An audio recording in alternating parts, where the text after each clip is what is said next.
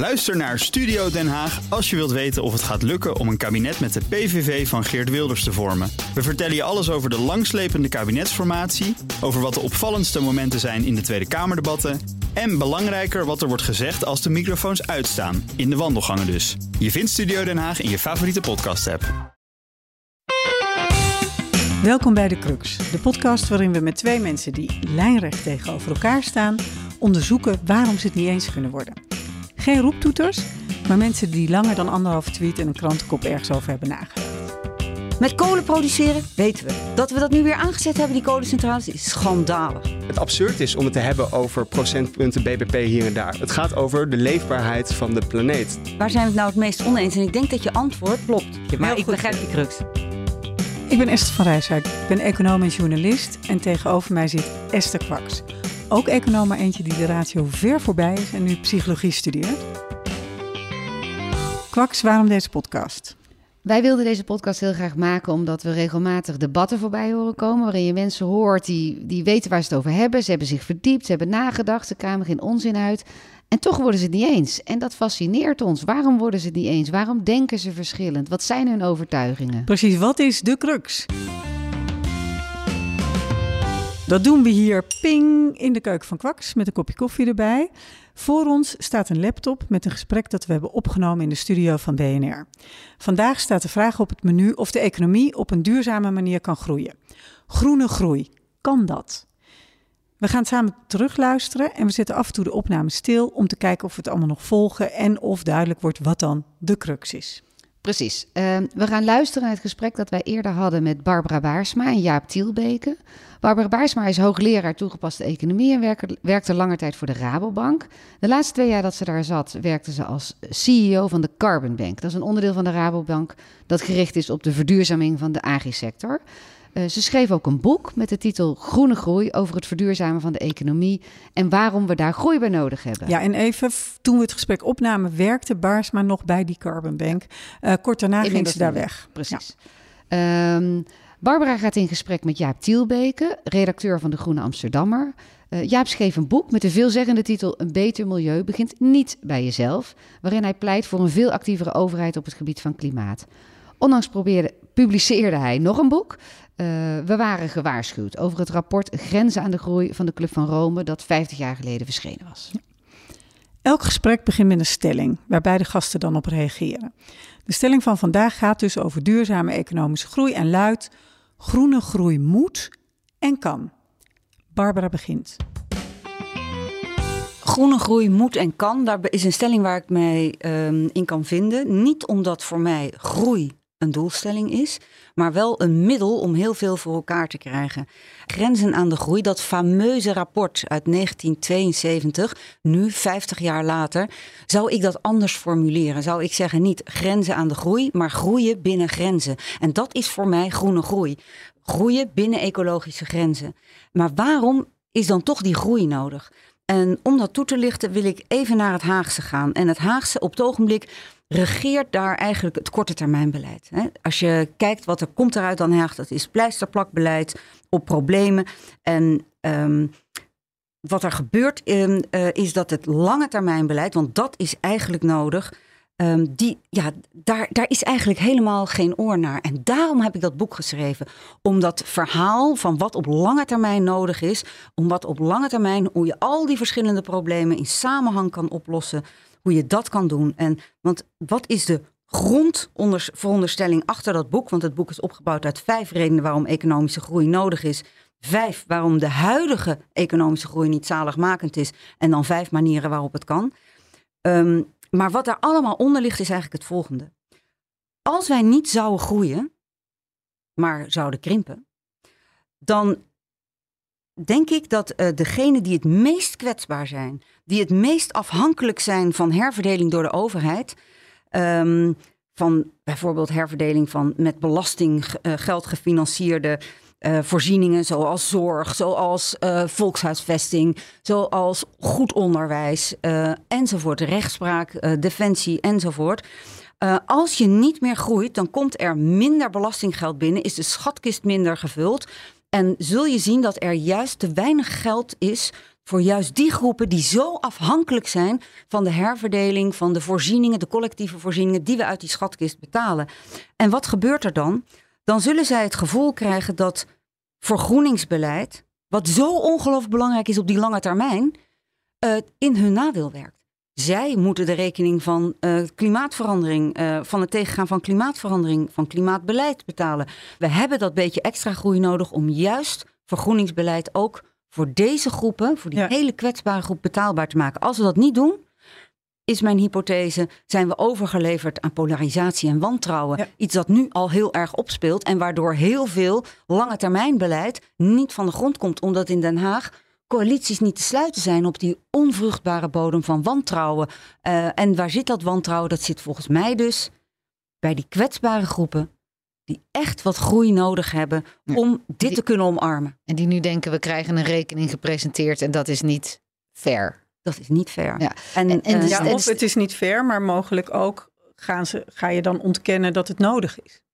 Ja, en dan, krijg je dus die vruchtbare bodem onder wantrouwen, wat ik zei, nepnieuws. Hè? Dus nee, klimaatverandering is er niet, want ik wil niet dat het er is, want ik kan, oh, hoe moet ik die rekeningen betalen? Ik heb het nu, kan het nu al niet doen. En, en dus is uiteindelijk het één grote herverdelingsexercitie.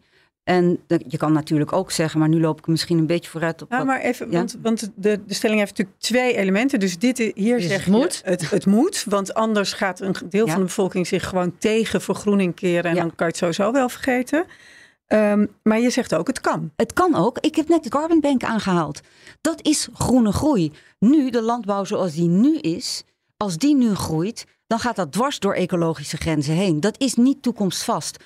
Een ander voorbeeld is als wij eindelijk eens een keer um, uh, carbon of stikstof of andere vervuilende, vervuilende of vervuilende, maar klimaatveranderende, natuurverpestende, uh, uh, vervuilende stoffen, emissies gaan beprijzen met een carbon tax, met een stikstoftax. Stel, wij doen nu zo ongeveer 50 euro per uitgestoten carbon, waar dan ook in de economie. Hè? Dus dan, dan zou dat miljarden opleveren. Die kan je gebruiken om de, uh, inkomen, of de, de belastingdruk voor met name lage inkomens en de lagere middeninkomens dus te verlagen. Het, is een herverdelings. Uiteindelijk wel. En een herverdeling die uiteindelijk uh, de, de welvaart, ik, voor mij is welvaart ook geluk en levenstevredenheid een brede maat, welzijn mag je ook noemen als je wil, um, op lange termijn veilig stelt. Want je stuurt de economie weg van klimaatveranderende activiteiten of natuurverpestende activiteiten.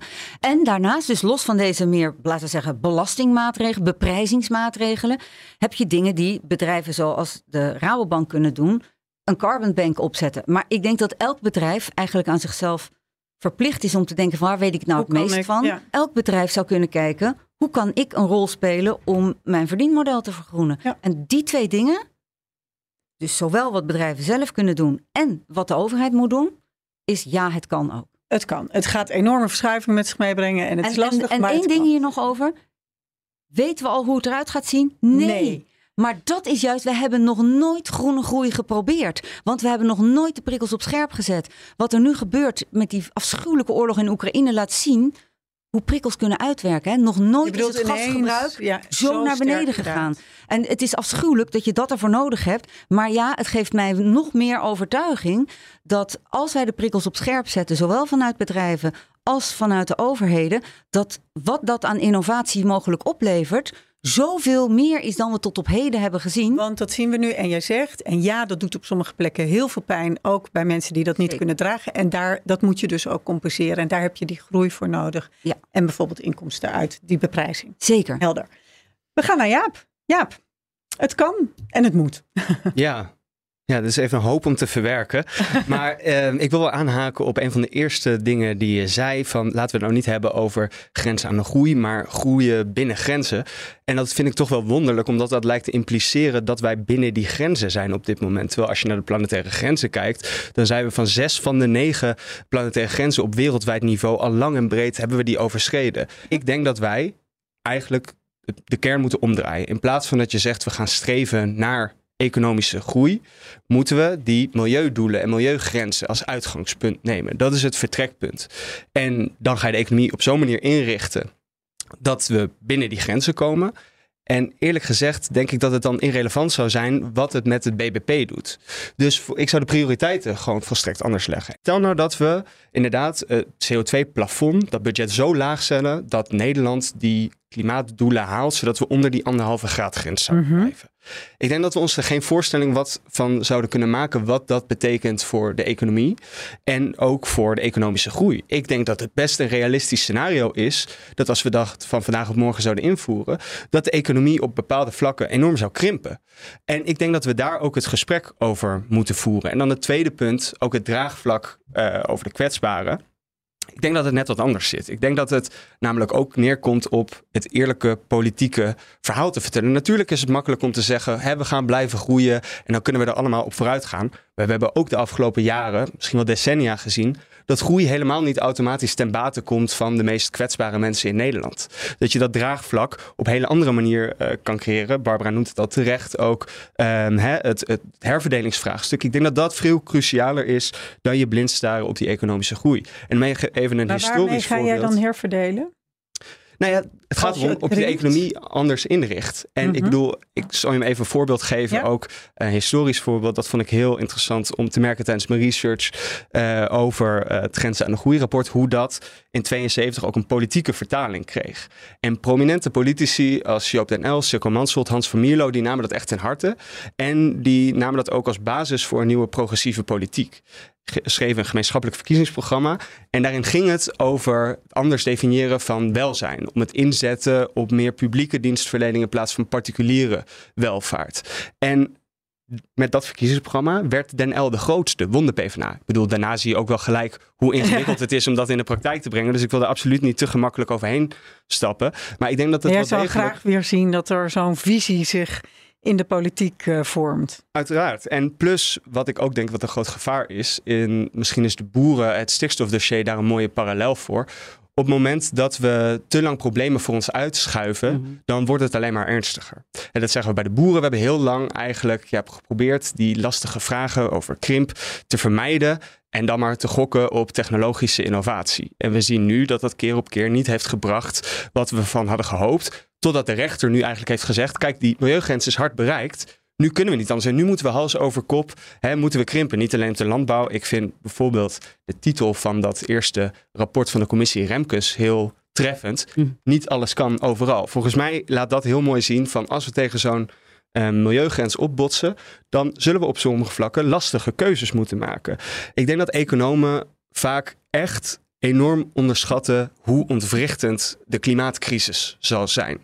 Dat als we niet onder die anderhalve graden grens blijven, dat dan ook de gevolgen voor de hele productiekant van het verhaal, de hele eh, consumptiekant van het verhaal, dat het absurd is om het te hebben over procentpunten BBP hier en daar. Het gaat over de leefbaarheid van de planeet, de materiële, ecologische fundamenten, fundamenten van de hele menselijke beschaving. Daar hebben we het over. Die komen in gevaar en het zullen ook die meest kwetsbare groepen zijn die daardoor als eerste het hardst geraakt gaan worden. En Daarom is het voor Barbara ook zo belangrijk dat het draagvlak bij die mensen om iets aan het milieu te doen overeind blijft. Ja, zeker. En Toch ik denk- Barbara, zeg ik Ja, dat ja, goed? zeker ook, ja. Zeker. Ja, nee, nee, zeker. Maar ik denk dus dat we dat niet eh, bereiken door te zeggen van nou, jullie kunnen hè, drie keer per jaar naar eh, een zonvakantie blijven vliegen of wat dan ook. Maar Nee. dat je ook laat zien van nee, dit hele, dit overdadige consumptiepatroon, eh, dat is onhoudbaar. En als je dat op een eerlijke manier vormgeeft, betekent het dat die groepen relatief minder hoeven in te leven dan de mensen eh, in de hoogste categorieën van de salarishuishouding, in de dus- meest welvarende groepen. Nou, dat was een openingscollege van beide, geloof ik. Eh, veel gehoord. Wat valt meteen op, Kwaks? Eh, d- Er valt mij- vallen mij twee dingen op. Eén is hoe ontzettend moeilijk het is om gewoon een, soort gestructureerde redenering richting je standpunt neer te zetten. Ik vind groene groei belangrijk, want dit, dus dat. Of ik vind het onbelangrijk. Ehm, ik hoor niet zoveel tegenstelling. Eh, ik hoor heel veel overeenkomsten. Ik hoor ze allebei zeggen: milieu is superbelangrijk. Uh, we zitten buiten de grenzen, is, we moeten er weer in. Draagvlak is superbelangrijk. De, de rol van de overheid, het eerlijke verhaal van de overheid is belangrijk. Beprijzing. Dat zijn allemaal overeenkomsten Ja. en geen argumenten in waarom is groei nou eh, eh, wel of niet belangrijk of wel of niet Ik heb mogelijk. je aangekondigd als de ratio ver voorbij, maar je wil een hele rationele, heldere argumentatie. Die heb je nog niet gehoord. Nee, en die heb ik nodig, die heldere ar- argumentatie, om bij eh, het key-argument te komen waarin ze verschillen. En Ja. dan daarachter te zoeken waar dat vandaan komt. Daar, dan komt pas de psychologie. Maar je proeft on, ook niet onderliggend in de onderstroom al iets. Want ik proef bijvoorbeeld, ik heb het gevoel dat Jaap wel een beetje nu al Barbara iets in de schoenen schuift wat zij niet zegt. Alsof Barbara groene groeien, mensen die willen groeien, die willen blijven consumeren. Maar dat zegt ze niet. Eh, Zou daar het verschil misschien kunnen ik, weet, ik, ik denk dat het, eh, Jaap denkt eh, volgens mij eh, abstracter. Eh, Jaap gebruikt het woord en ik, ik denk dat daar wel een belangrijk, eh, dat is misschien toch alvast een beetje psychologie. Het gaat over de fundamenten van de hele menselijke beschaving. precies. dat is Ja. heel groot. Dat is heel groot. Ehm, ze gaan op elkaar reageren en wij gaan goed luisteren of waar Ja. de verschillen zitten. Vergroenen is een feestje waar iedereen wil komen. Klinkt als iets fijns. Hè? We gaan iets beters maken. En zeker als je er groene groei van maakt, klinkt het nog fijner. Ik ben realist genoeg, en dat staat ook heel duidelijk in het boek, dat de spiegel van groene groei is ontgrijzing. En ontgrijzing doe je vandaag. Je kunt vandaag weten wij wat niet toekomstvast is. En Kolen- ontgrijzing bedoel je Ontgrijzen weg is stoppen met dingen groei. die echt gewoon niet toekomstig Met kolen produceren, weten we. Dat we dat nu weer aangezet hebben, die kolencentrales, is schandalig. Ehm, dus eh, daar denk ik, zijn echt een paar dingen aan te wijzen waar je vandaag mee kan stoppen. Waar je ook inderdaad, en dat klopt, nog niet de groene omzet voor hebt die daarvoor in de plaats komt. Dus dat je tijdelijk gerichte krimp hebt, ja, daar ben ik het mee eens. Omdat ik realist genoeg ben om te weten dat je die pijn nodig hebt om prikkels op het systeem te zetten. Om bedrijven zover te krijgen dat ze daadwerkelijk nieuwe productietechnieken gaan ontwikkelen. Dat je burgers zover krijgt dat ze ander gedrag gaan vertonen. Dat je de overheid zover krijgt dat ze eindelijk effectief eh, milieu- en klimaatbeleid gaan voeren. Dus dat is wat ik bedoel met, met groene groei. Het vooruitzicht is, wij blijven inzetten op groei, omdat wij ons realiseren dat al die herverdeling, waar heel wat nodig is in een beschaafde maatschappij, een democratische maatschappij als de onze, namelijk om fatsoenlijke collectieve voorzieningen te hebben, kost geld. Wat de overheid nu doet, miljarden gewoon uitgeven, dat heeft geen investeringseffect, heeft geen groeieffect. Dit is gewoon wat we nu doen, is puur. Hè, En met wat bedoel je precies dat, met dat- wat we nu die doen? miljarden die nu, sorry, aan compensatiemaatregelen Energietoeslag, dat soort... eh, eh, al dat soort dingen. Als je dat geld op een slimme manier investeert in groei, groen groeivermogen voor de toekomst, is, eh, dat, kan dat, kan dat eh, heel goed. Bijvoorbeeld goed onderwijs, ehm, eh, oh, de- bepaalde innovatiesubsidies, niet alle innovatiesubsidies.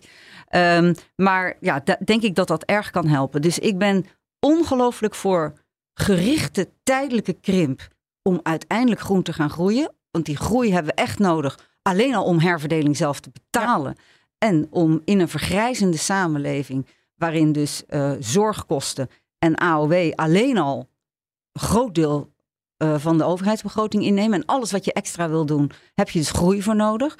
Ehm, en daarnaast denk ik dat het slimste beleid is elke ton CO2-uitstoot, of broeikasgassenuitstoot, waar ook in de economie, hup, belasten met minimaal 50, maar eigenlijk 100 euro.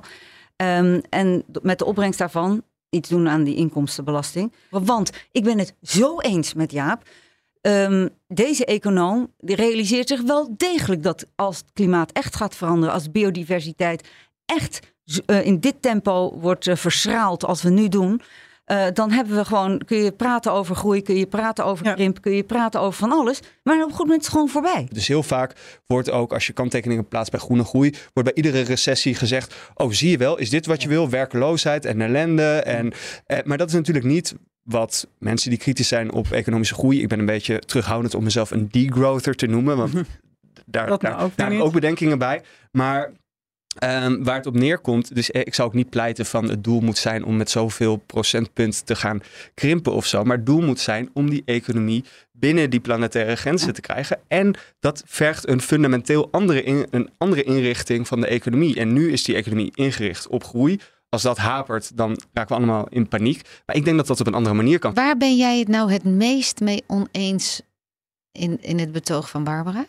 Nou, ik ben het ook met heel veel dingen eens. Ja, precies, vandaar Eh, mijn dus, vraag. eh, misschien, ik denk dat het vertrekpunt anders is. Ik denk dat Barbara redeneert vanuit de economie en ik het vertrekpunt neem vanuit de ecologie, zou je kunnen zeggen. En, eh, Hoe wezenlijk is dat? Nou, heel wezenlijk, denk ik. En ik bedoel, ik denk niet dat die twee elkaar volledig uit moeten hoeven te sluiten. Maar ik denk wel degelijk dat het, wat ik zeg, een ander beginpunt is. Een andere manier van eh, kijken. Dat, dat, ja, en ik, ik ben ook geen econoom. Ehm, dus ik bedoel, daar, daar ik direct filosoof. duidelijk over zijn. Ik ben filosoof. Ehm, en ik denk dat je dan ook gewoon tot andere conclusies komt. Ik, denk, ik vond het een Een hele mooie vraag, Esther. En ik, dacht, ik moest ook even nadenken over waar zijn we het nou het meest oneens. En ik denk dat je antwoord klopt. Dat jij start bij de ecologie, ik start bij de economie. We vinden elkaar in het midden. Maar wat ik wel daar nog aan toe wil voegen is ook... ehm, economie is een maatschappijwetenschap. En ik denk, want die ecologie gaat mij aan mijn hart. Die economie zit in mijn Die hoofd. hoort ook bij economie, bedoel ja, jij? En, ik, en wat ik denk dat je die ecologie alleen maar kunt beschermen. En hier komt de maatschappijwetenschap ook. Als je dus, waar we mee begonnen, het draagvlak van die maatschappij hebt om te vergroenen. Als je dat niet hebt, het liefst zou ik ook nu zeggen. We zorgen dat we Doen het doorgericht krimpen. Hup, gaan we binnen die ecologische grenzen. Maar dat kan niet. Hè. Daar is gewoon, je kunt een maatschappij niet op, ja, of je moet allemaal in China wonen, waarbij een dictator hebt die zegt: nu Ja. gaan we dit doen. Maar je hebt in een democratie, en dat is mij wat waard als democraat, heb je nou eenmaal herverdelingsarrangementen, heb je regelgevingsprocessen, ehm, eh, instemming en draagvlak nodig. Als je begint bij de ecologie, veronachtzaam je dat je maatschappelijk draagvlak nodig hebt en dus ook Maar denk economisch je dan dat Jaap beleid. dat veronachtzaamt? Nee, ik, ik geef Jaap geen. Ik denk dat je, hij meer gewicht legt aan de ecologische grenzen. En ik meer gewicht leg, als je het zo wil zeggen, aan wat je nodig hebt om binnen die ecologische grenzen te komen. We willen alle twee we denk kunnen nu toch ook al herverdelen? De- de- er is toch geld, Ja, maar dat we- geld zat. Het is oneerlijk verdeeld, maar het is... Ja, maar dat, die herverdeling kost, kost ongelooflijk veel geld. En ehm, in een vergrijzende samenleving heb je, en dat is het, eh, de portée ook van die eerste vijf redenen eigenlijk waarom we groei nodig hebben, heb je ehm, wel groei nodig om ook alleen al die vergrijzing te kunnen blijven betalen. In een vergrijzende economie je onderwijskwaliteit op orde houden, je zorg toegankelijk te houden, de volkshuisvesting op orde te houden eh, en tegelijkertijd de rechtspraak en defensie ook nog van het niveau dat we een Oekraïne-situatie aankunnen. Dat vergt groei. Dat kun je niet uit krimp betalen. En Maar Dat kun je Ja, ook niet uit de huidige situatie betalen. Nee, dat kun je kan niet uit de huidige, zeg maar, de, de, de top. Oh, nee, dat denk ik niet. Omdat we namelijk, omdat we vergrijzen. Als we dat niet zouden hebben, zou dat veel makkelijker zijn. Oké, even naar Jaap. Want hoe ga jij al die problemen dan oplossen waarvan Barbara Zo. zegt... Ik, ik heb gehoord dat we het kort moeten houden tijdens deze podcast. Dus eh, dat kun je niet van me verwachten. Nee, maar ik wil nog wel eventjes ingaan ook op een ander wezenlijk punt. Misschien dat eerste deel van die vraag. Want ik begrijp heel goed die zorg over draagvlak. Ik zou ook liever willen dat ik hier zou kunnen staan. Dat we denken, we kunnen blijven groeien. De wereld wordt er beter op. We kunnen groen overal heen vliegen. We kunnen vlees blijven eten. Het, het wordt allemaal mooier en beter. Alleen, de eerste vraag was, kan groene groei? En ik zie daar onvoldoende aanwijzingen voor. Als je gewoon gaat kijken naar eh, ontkoppeling op het vlak van CO2-uitstoot. Dus ontkoppeling bedoel ik mee die economische groei die kan doorgaan terwijl de milieu-impact daalt. Ik denk dat kan niet. En Barbara zegt. We hebben het nog niet geprobeerd. Wat zij voorstelt, hebben we inderdaad nog niet geprobeerd. Maar ik wil wel aangeven eh, dat, dat groene groei vanaf de jaren negentig eigenlijk de dominante mantra is. De Earth Summit, dat is een scène die ik beschrijf in mijn boek. Eh, dan komt eh, George H.W. Bush, de oude eh, Bush, Amerikaanse president op dat moment. En die zegt, weet je, twintig jaar geleden hadden van die hippies hadden het over grenzen stellen aan de groei. En nou, kijk eens wat wij in de Verenigde Staten hebben gedaan. Wij hebben onze economie laten groeien en ondertussen zijn onze rivieren schoner, onze luchten zijn gezonder. Dus Hoezo? We kunnen het allebei hebben. Laten we daarvoor gaan. People, planet, profit, zo heet dat in het bedrijfsleven. Maar als je gaat kijken, dan komt profit, voert, krijgt toch als puntje bepaaldje komt altijd voorrang. En op sommige vlakken heeft die oude Bush gelijk. We hebben mede door economische groei, technologische innovatie, veel lokale tastbare milieuproblemen verholpen. De, eh, ook hier De in Nederland zijn de waterkwaliteit en de luchtkwaliteit zijn veel beter dan 50 jaar geleden. Maar minder tastbare mondiale milieuproblemen, zoals biodiversiteitsverlies of klimaatverandering, die zijn in die decennia echt volledig geëscaleerd. Toch even, Want Barbara die zegt, we moeten, we hebben zoveel geld nodig voor vergrijzing en om die kwetsbare mensen mee te nemen Ja. hierin. Ja, ik snap dat de vraag te groot is, hoe ga jij dat Ja. dan doen? Maar wa- wat vind je dan van dat argument? Nou, la- laat, ik- ik begrijp het argument heel goed. En daarom zeg ik van, ik wil daar ook absoluut niet te makkelijk overheen stappen. Ik snap dat dat hè, draagvlak creëren makkelijk is op het moment dat je oneindig diepe Maar ben je bang hebt. voor wantrouwen en nog één polarisatie? punt maken. Ja. Ehm, nou, ik ben bang voor wantrouwen en polarisatie op het moment dat politici niet het eerlijke verhaal vertellen. Dus als we nu zeggen, ja, we kunnen gewoon, hè, bijvoorbeeld op het gebied van eh, luchtvaart, we kunnen gewoon eh, lekker doorgroeien eh, met Schiphol en we gaan Lelystad Airport openen, want technologische in- innovatie zal eh soelaas bieden uiteindelijk. Mm. Terwijl daar zijn, eigenlijk is de luchtvaartsector een enorm indrukwekkend om te zien hoe, wat voor een innovatie daar heeft plaatsgevonden. Alleen die efficiëntieslag hè, per kilometer, per passagier, is de CO2-uitstoot nu vele malen lager Ja, dan 30 Maar we zijn jaar geleden. zoveel meer gaan vliegen. Zoveel meer gaan groeien. En dat is de, de Jevons-paradox, dat efficiëntiewinst eigenlijk teniet wordt gedaan doordat we gewoon meer gaan gebruiken. Dat En zie je ook bij meer dan te hernieuwbare- niet wordt gedaan. Dat is nog erger dan Exact, dat. dat zie je ook bij hernieuwbare energie. Die opmars is enorm indrukwekkend geweest. En toch zijn we niet meer minder fossiele brandstoffen gaan gebruiken. Nee. Omdat ons energieverbruik gewoon in het geheel. Dus om nog even het punt te maken. Misschien zie ik wel echt een, een hele harde tegenstelling. Dat groene groei, zoals we dat tot nu toe ook hebben geprobeerd, niet kan. En dat het heel lastig is om dat draagvlak te creëren. Alleen bij de ene zie ik harde natuurkundige grenzen, ecologische grenzen.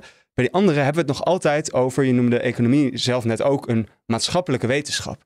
Het gaat over mensen. Het gaat over hoe wij met elkaar, misschien begin ik nu wat te filosofisch te klinken, maar ik geloof dat echt. Wij mensen zijn enorm vindingrijk ook hoe we onze samenlevingen inrichten. Als we het hebben over BBP, dan is dat een construct wat door ons bedacht is. Als we het hebben over al die maatstaven en ongelijkheidsverdeling, dat is uiteindelijk, liggen daar politieke keuzes aan ten grondslag. En hebben we die tijd? Ja, en we hebben ook. eh, Nee, we hebben die tijd niet. Dus Precies. eh, we hebben echt nu heel rap wat draagvlak nodig. En daarom nu een krimpverhaal gaan vertellen, dat gaat ons hele eh, kostbare tijd kosten. Want eh, gewoon. Maar ecologisch- zegt, eh, als je dat op de goede manier vertelt. Ja, nee, maar dat wil ik net zeggen. Het verhaal, het groene groeiverhaal dat tot op heden is verteld, is helemaal geen goed verhaal. Want dat verhaal is onwaar. Je kan niet blijven vliegen en vlees eten zoals we dat nu gewend zijn. Dat kan niet. En daar moet je ook eerlijk over zijn. Je moet gewoon ontzettend eerlijk zijn en zeggen: sorry, maar we gaan vlees. Om maar even als voorbeeld vlees te noemen, dat iedereen begrijpt dat dat carbon-intensief is, dat dat heel veel biodiversiteit en landgebruik met zich meebrengt enzovoort. Dat gaan we echt minder doen. Ja, maar kan het nog wel eten? Het past in een kringlooplandbouw, maar echt een stuk minder. En daarvoor in de plaats gaan we meer plantaardig eten. En dat gaan we doen door financiële prikkels te stellen. En die opbrengst van die financiële prikkels gaan wij nu teruggeven. Eh, en niet aan iedereen, maar eh, naar draagvlak terug. Meer aan de ene dan En, aan de dus, ander eh, en we gaan en dat eerlijke verhaal vertellen. Dus vooral niet zeggen: u kunt blijven vliegen, u kunt dit en dat. Dat is niet de groene groei waar ik voor sta, want die is nooit inpasbaar binnen ecologische grenzen. Dus er past een lange termijn eerlijk verhaal. En wat de burgers dan zullen zien is: oké, daar lever ik wat in. Daar krijg ik wat, maar dan zien ze het in samenhang. En nu bij het pleisterplakbeleid dat er op het ogenblik is, kijken ze alleen naar die pleister aftrekken die pijn doet. En Jullie zien komen- ze niet waar ze wat krijgen en zien ze niet alleen maar waar wat van hen genomen wordt. Wat valt op, kwaks? Mij valt op dat we het heel erg aan die, aan die groene kant zitten, waar heel veel overeenstemming is. En mij valt op dat Barbara hier een belangrijk argument op tafel legt. Waarom zij vindt dat we moeten groeien. Mhm. Dus het is niet een gevolg, we moeten groeien. Het is een noodzaak, want vergrijzing. En want we moeten herverdeling en, en zorgen dat iedereen blij blijft en geen polarisatie, geen... eh, Precies, precies. Maar dat zou nog, herverdeling zou nog kunnen met beprijzing en de opbrengst daarvan. Dat, dat weet ik eigenlijk niet, maar ik geloof niet dat daar de noodzaak zit. De harde noodzaak die ze wat mij betreft hier op tafel heeft gelegd, is vergrijzing. En volgens mij zet Jaap daar tegenover. eh, eh, die komt met een eerlijk verhaal. En het eerlijke verhaal is volgens mij wat Jaap betreft... groei heeft ons in deze eh shit, shitshow gebracht. Eh, en groei gaat ons er niet uitbrengen. Het eerlijke verhaal is, als we doorgaan... gaan we met z'n allen naar de kloten. En Ja. dan wordt het hier pas echt ongezellig. En dan raken we draagvlak pas echt kwijt. Precies. kwijt. Dat eerlijke verhaal hebben we nodig. Ja, dus groei is de oorzaak van de ellende en dus hou op over groei. I don't want to talk about it. Maar we zien ook gebeuren dat Jaap toch ook een beetje blijft projecteren op Barbara. Dit verhaal. Groei, hou op, want we kunnen niet blijven vliegen en we kunnen geen vlees blijven eten. Maar dat bedoelt Barbara ook niet. Nee, dat dat- zet ze uiteindelijk ook recht. Dat zet ze recht. Dat is niet de groei waar zij voor staat. Maar welke groei zij wel voor staat. eh, groene, groene. En die heeft Jaap nog nooit gezien. Dat zegt hij. Ik heb Nee. nog nooit een voorbeeld gezien. En, en zij ook niet. Precies. Oké. We gaan, eh, maar we moeten de draai maken nu. Ehm, want waar zit dus de kern? We gaan kijken of we die crux kunnen formuleren. En dat gaan we ook aan hen vragen. Help ons om die crux te formuleren.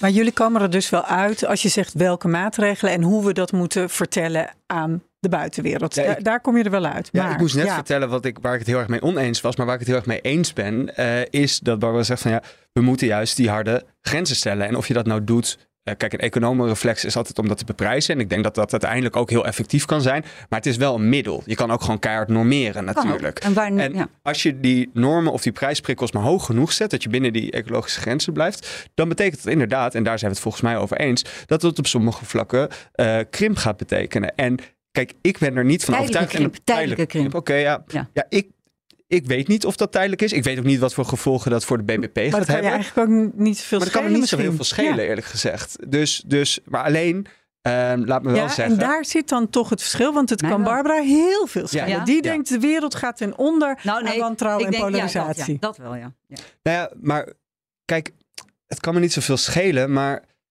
wat, wat dan op het moment... Ik, ik snap niet helemaal waar die overtuiging vandaan komt, die, dat absolute rotsvaste vertrouwen, dat als we die grenzen stellen die nodig zijn om binnen die ecologische eh, planetaire grenzen te blijven, dat het BBP dan zal groeien, dat we dan op andere manieren andere vormen van groei krijgen. Ik zie daar eigenlijk best weinig aanwijzingen voor. En ik denk dus wel dat het nodig is dat we moeten nadenken over wat betekent dat dan voor de inrichting van de economie. Ik denk dat we juist los moeten komen van die focus op BBP-groei. Maar de, de groene groei waar ik voor sta, is laten we even iets anders nemen. Mantelzorg. Mantelzorg is nu van grote waarde, maar heeft geen prijs. Negatieve inkomens zou mensen die mantelzorg een groot deel van de week leveren, ineens van een inkomen, Ja. een inkomen kunnen geven. En daarmee binnen het BBP brengen. Dat is de groene groei waar ik het over heb. En toch gaat het mij ook om de eh, mindset, om een heel lelijk Engels woord te gebruiken. Een soort, ik, ja, ik noem het toch wel een ideologie. eh, dat groei het belangrijkste en dominantste is. En dat we dat dan op zo groen mogelijke, duurzame manier eh, gaan doen. Als je kijkt naar wat, wat gewoon de, de dominante mantra is geweest voor de afgelopen jaren. Is het groene groei, duurzame groei. Noem maar op. Alle, allerlei voorvoegsels, inclusieve groei worden dan gebruikt. Maar groei voor- blijft het uitgangspunt. En dat Maar even een filosofische vraag. Dat is toch iets wat je in, in gemeenschappen moet je herverdelen Ja. de hele tijd. En dat hele proces van herverdelen, dat gaat gewoon echt net iets makkelijker als het groeit. Nou, wat en hoe- wat zie jij dan voor me in een gemeenschap, in een land, in een samenleving waar krimp is langere tijd? Maar dat, dat is ook niet per se wat ik, wat ik voorsta. Of zo. Ik pleit niet voor krimp. Maar, Maar je bent bereid het risico te nemen op krimp. Dus als je bijvoorbeeld gaat hebben over waar investeer je... Mantelzorg. Nee, mantelzorg, dat vind ik een heel mooi voorbeeld. Want ik denk dat we inderdaad ehm, juist dat soort koolstofarme beroepen ehm, moeten stimuleren. Nogmaals, het gaat mij er niet om dat ik zeg we mogen niet meer groeien of Nee. we moeten krimpen. Maar ik geloof het, nou, ik vind het leuk dit, want ik kom steeds meer tot inzicht. Ik denk dat wat ik, waarin we misschien verschillen, weet ik niet, hè, maar we zijn misschien over het eind staat wel, nou het is namelijk eh, belanden binnen die ecologische grenzen. Ik denk dat je groei nodig hebt om dat voor elkaar te krijgen. Mhm. En jij denkt dat je, dat je krimp nodig hebt. Groei met Of gerichte dat je krimp. dat moet accepteren. En Ja. ja. en ik denk dat ja, je gaat er gewoon niet komen als je niet, eh, als je niet in ieder geval groei als uitgangspunt neemt. En da- daarbinnen heb je wel gerichte krimp. Vanwege Want die zo zit, polarisatie maar zo zit. Want zo zit de mens ook niet in elkaar. De mens Nee, een van de redenen in, mijn, in het boek die ik ook heb als eerste reden voor economische groei, en dit is misschien meer jouw terrein als psycholoog, eh, of als psycholoog in wording, is dat is uit veel heel veel was dit. ecologisch, eh, of uit heel veel psychologisch onderzoek blijkt dat de menselijke drift in het algemeen, dus misschien niet van ons hier vieren, maar is dat meer eh beter Meer dan is. de ander. En niet alleen meer inderdaad dan ik vorige jaren had, maar ook meer dan mijn peers. Dus dat heet reference en preference drift. Dus je bent liever relatief rijk dan absoluut arm, dan dat je absoluut rijk bent en relatief arm. Dit kan En- toch ook de andere kant omwerken dan? Dus opwerken. Want ik heb nu het idee, en dat is, sluit een beetje aan bij mijn argument in het eerste boek, dat we nu zeggen: foei, ga jij nog met het vliegtuig? Schaam je? Het idee van vliegschaamte, dat het een soort morele wedstrijd wordt om je zo duurzaam mogelijk te gaan gedragen. Eh, want ja, als, eh, hè, maar mensen redeneren toch van ja, als ik het niet doe. Zorg dat iedereen omlaag Zorg dat als je gaat. dat, als je dat collectief omlaag brengt, dan breng je ook die mimetische prikkel, haal je weg. Ja, maar het is dus niet alleen mensen, de reference naar- drift, hè? Nee, maar als je kijkt Het is naar ook preference drift. Je wil ook iets meer dan vorig jaar. En dat is precies wat zijn twee dingen. Esther als je- eerst zei. Het, in een gemeenschap kan je beter herverdelen. Er is meer solidariteit in een gemeenschap. Als iedereen er net een beetje op vooruit gaat. Want Maar ik moet ben dat altijd bereid- geld zijn? Ik kan ook Nee, meer. ik zeg eh, in welzijn erop vooruit gaan. precies. Dus ook in het gevoel. En hier gaat het om, want voor mij is koopkrachtplaatjes met Prinsjesdag int- Ja, interesseert me daar echt wordt niks. iedereen misselijk Maar van. de, ik, voor mij zou het beste zijn om te meten of het gevoel dat mensen regie hebben op hun leven voor iedereen is gestegen.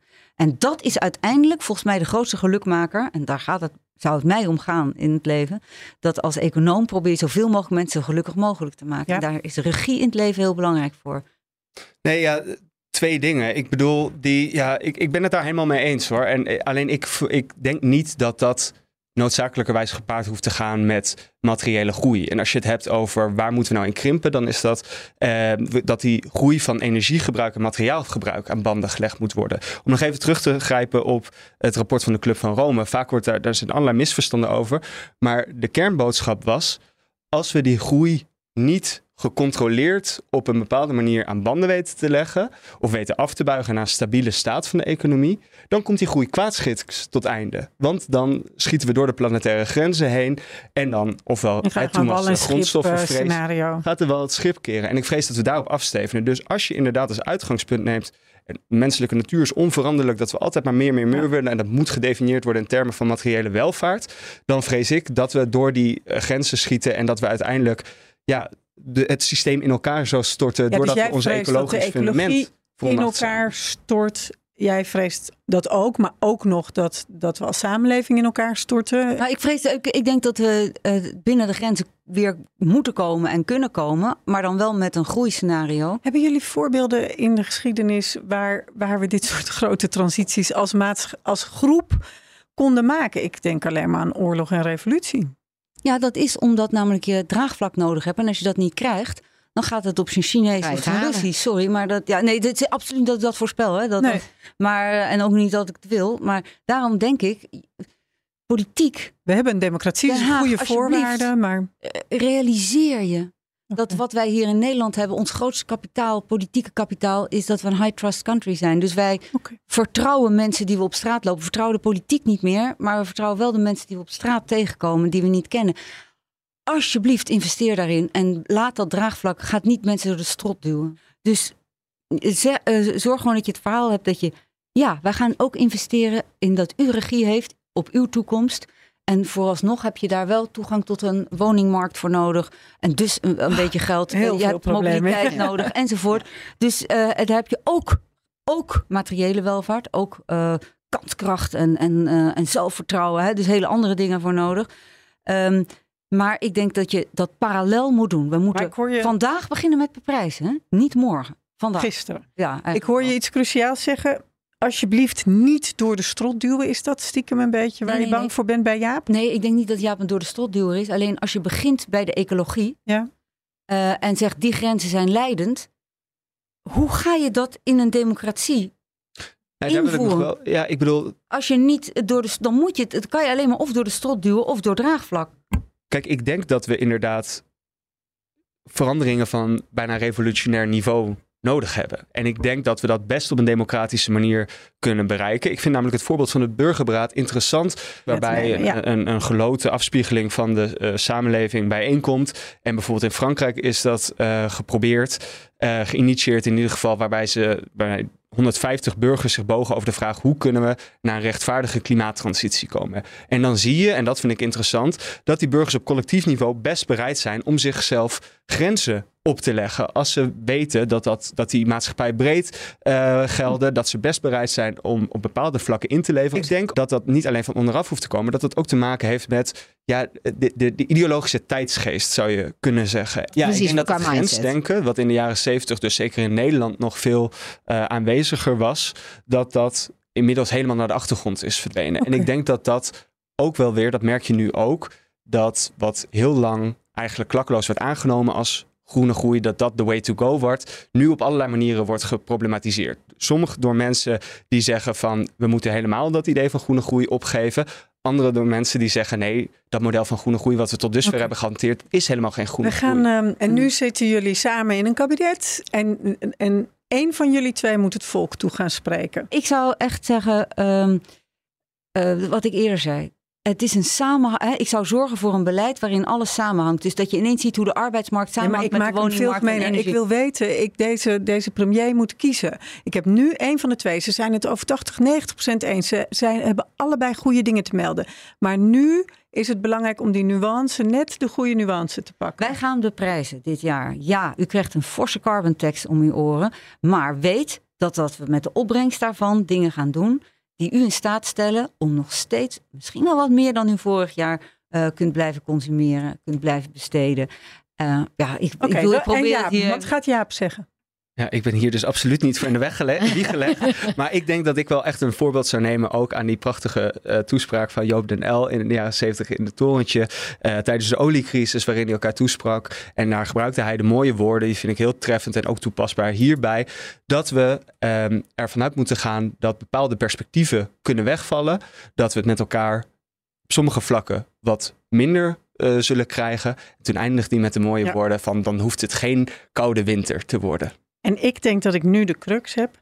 Want ik hoor Barbara zeggen: we gaan het doen en we gaan normeren en we gaan beprijzen. Maar u krijgt iets terug. U wordt gecompenseerd. En Jaap gaat naar het volk en die zegt: het wordt minder, maar we gaan het samen doen.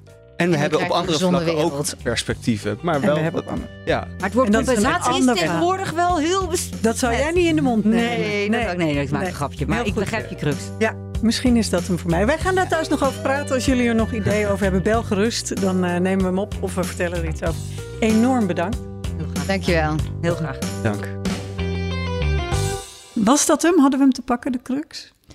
Nee, dit was hem wat mij betreft nog niet. Hier zaten we nog te veel op de inhoud eh, en niet op de overtuiging. Eh, Nou, ik welk denk wel. groot inzicht heb Ja, jij gehad dan? Let op, komt-ie. Ehm, ik denk dat het belangrijke verschil van inzicht zit hem in hoe kom je aan draagvlak om te vergroenen. Barbara zegt, daar heb je economische groei voor nodig. Jaap zegt, daar heb je eh, een ander verhaal voor nodig. Ehm, dat, is een, dat is een heel verschillend vertrekpunt. Ja. En ik snap wel waarom Barbara eh, bij economische groei uitkomt. Dat is een econoom, notabene hoogleraar toegepaste eh, economie. Dus die, die zoekt daar maatregelen en die vindt daar maatregelen. Eh, Jaap is eh, een filosoof, een verhalenverteller, eh, een schrijver. Die zoekt het, denk ik, in, in fundamentelere oplossingen. Een nieuwe ideologie. In nieuwe ideologieën, precies, in nieuwe verhalen. Ja. nou en die overtuiging, want daar zoeken we naar. Hè? Er was een mooi moment in de podcast waar Jaap zegt: waar komt toch die overtuiging bij Barbara vandaan dat ehm, als we al die gekke dingen doen, hè, dus dingen duurder maken, van alles mag niet meer, al die maatregelen, dat we dan toch blijven groeien? Ja, en dat die onderliggende overtuiging van de econoom is volgens mij, dat vul ik nu in. Eh, dat is dat optimisme van de econoom. Die weet, de mens wil altijd meer. En meer dan zijn buren. Dat noemt Barbara ook, hè, die eh, reference preference drift. Maar dat is ook een force for good. Die mens die gaat, geef hem grenzen, hè, breng hem eh, en, en breng wat waarde heeft allemaal in het systeem, die mantelzorg. Maar die zal opnieuw creatief zijn en dingen gaan maken en ondernemen. En daar komt economische groei vandaan. Dan kan Jaap wel zeggen, ik heb het nooit gezien. Maar We hebben Barbara het ook nooit geprobeerd hè, in deze vorm. nou, dat niet groen. ze allebei. Maar we, Barbara kijkt 200, 2,5 eeuw industriaal, industrialisatie terug. En die ziet binnen de verkeerde kaders, maar mensen gaan creëren, ondernemen, dingen uitvinden en van alles doen. Dus Ja. geef ze de juiste kaders. En Barbara die denkt We blijven gaan als we het een beetje goed managen. Ja, en ik denk dat Jaap een hele andere invulling probeert te geven aan dat hele verhaal rondom reference en preference. Dus je wil ieder jaar meer en je wil meer dan, dan je peers, hè, dan de mensen je uit je groep, meer dan je buren.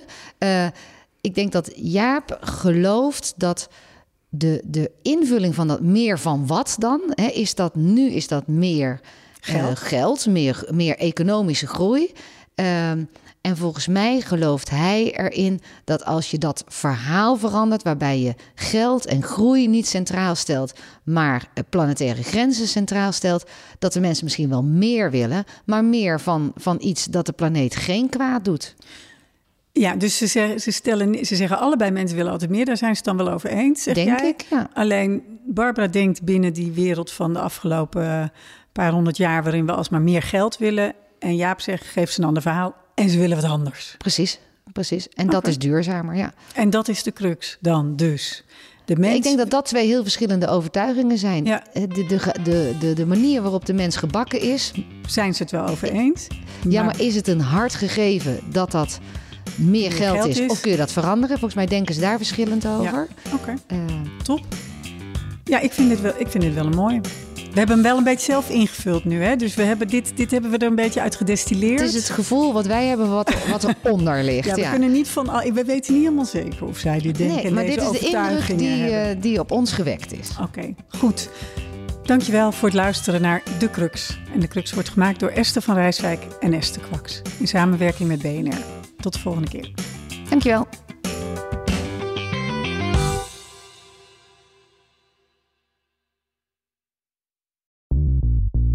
BNR ben je altijd als eerste op de hoogte van het laatste nieuws. Luister dagelijks live via internet. Bas van Werven. En heel langzaam komt de zon op rond dit tijdstip. Je krijgt inzicht in de dag die komt op BNR, het Binnenhof in Nederland en de rest van de wereld. De Ochtendspits. Voor de beste start van je werkdag. Blijf scherp en mis niets.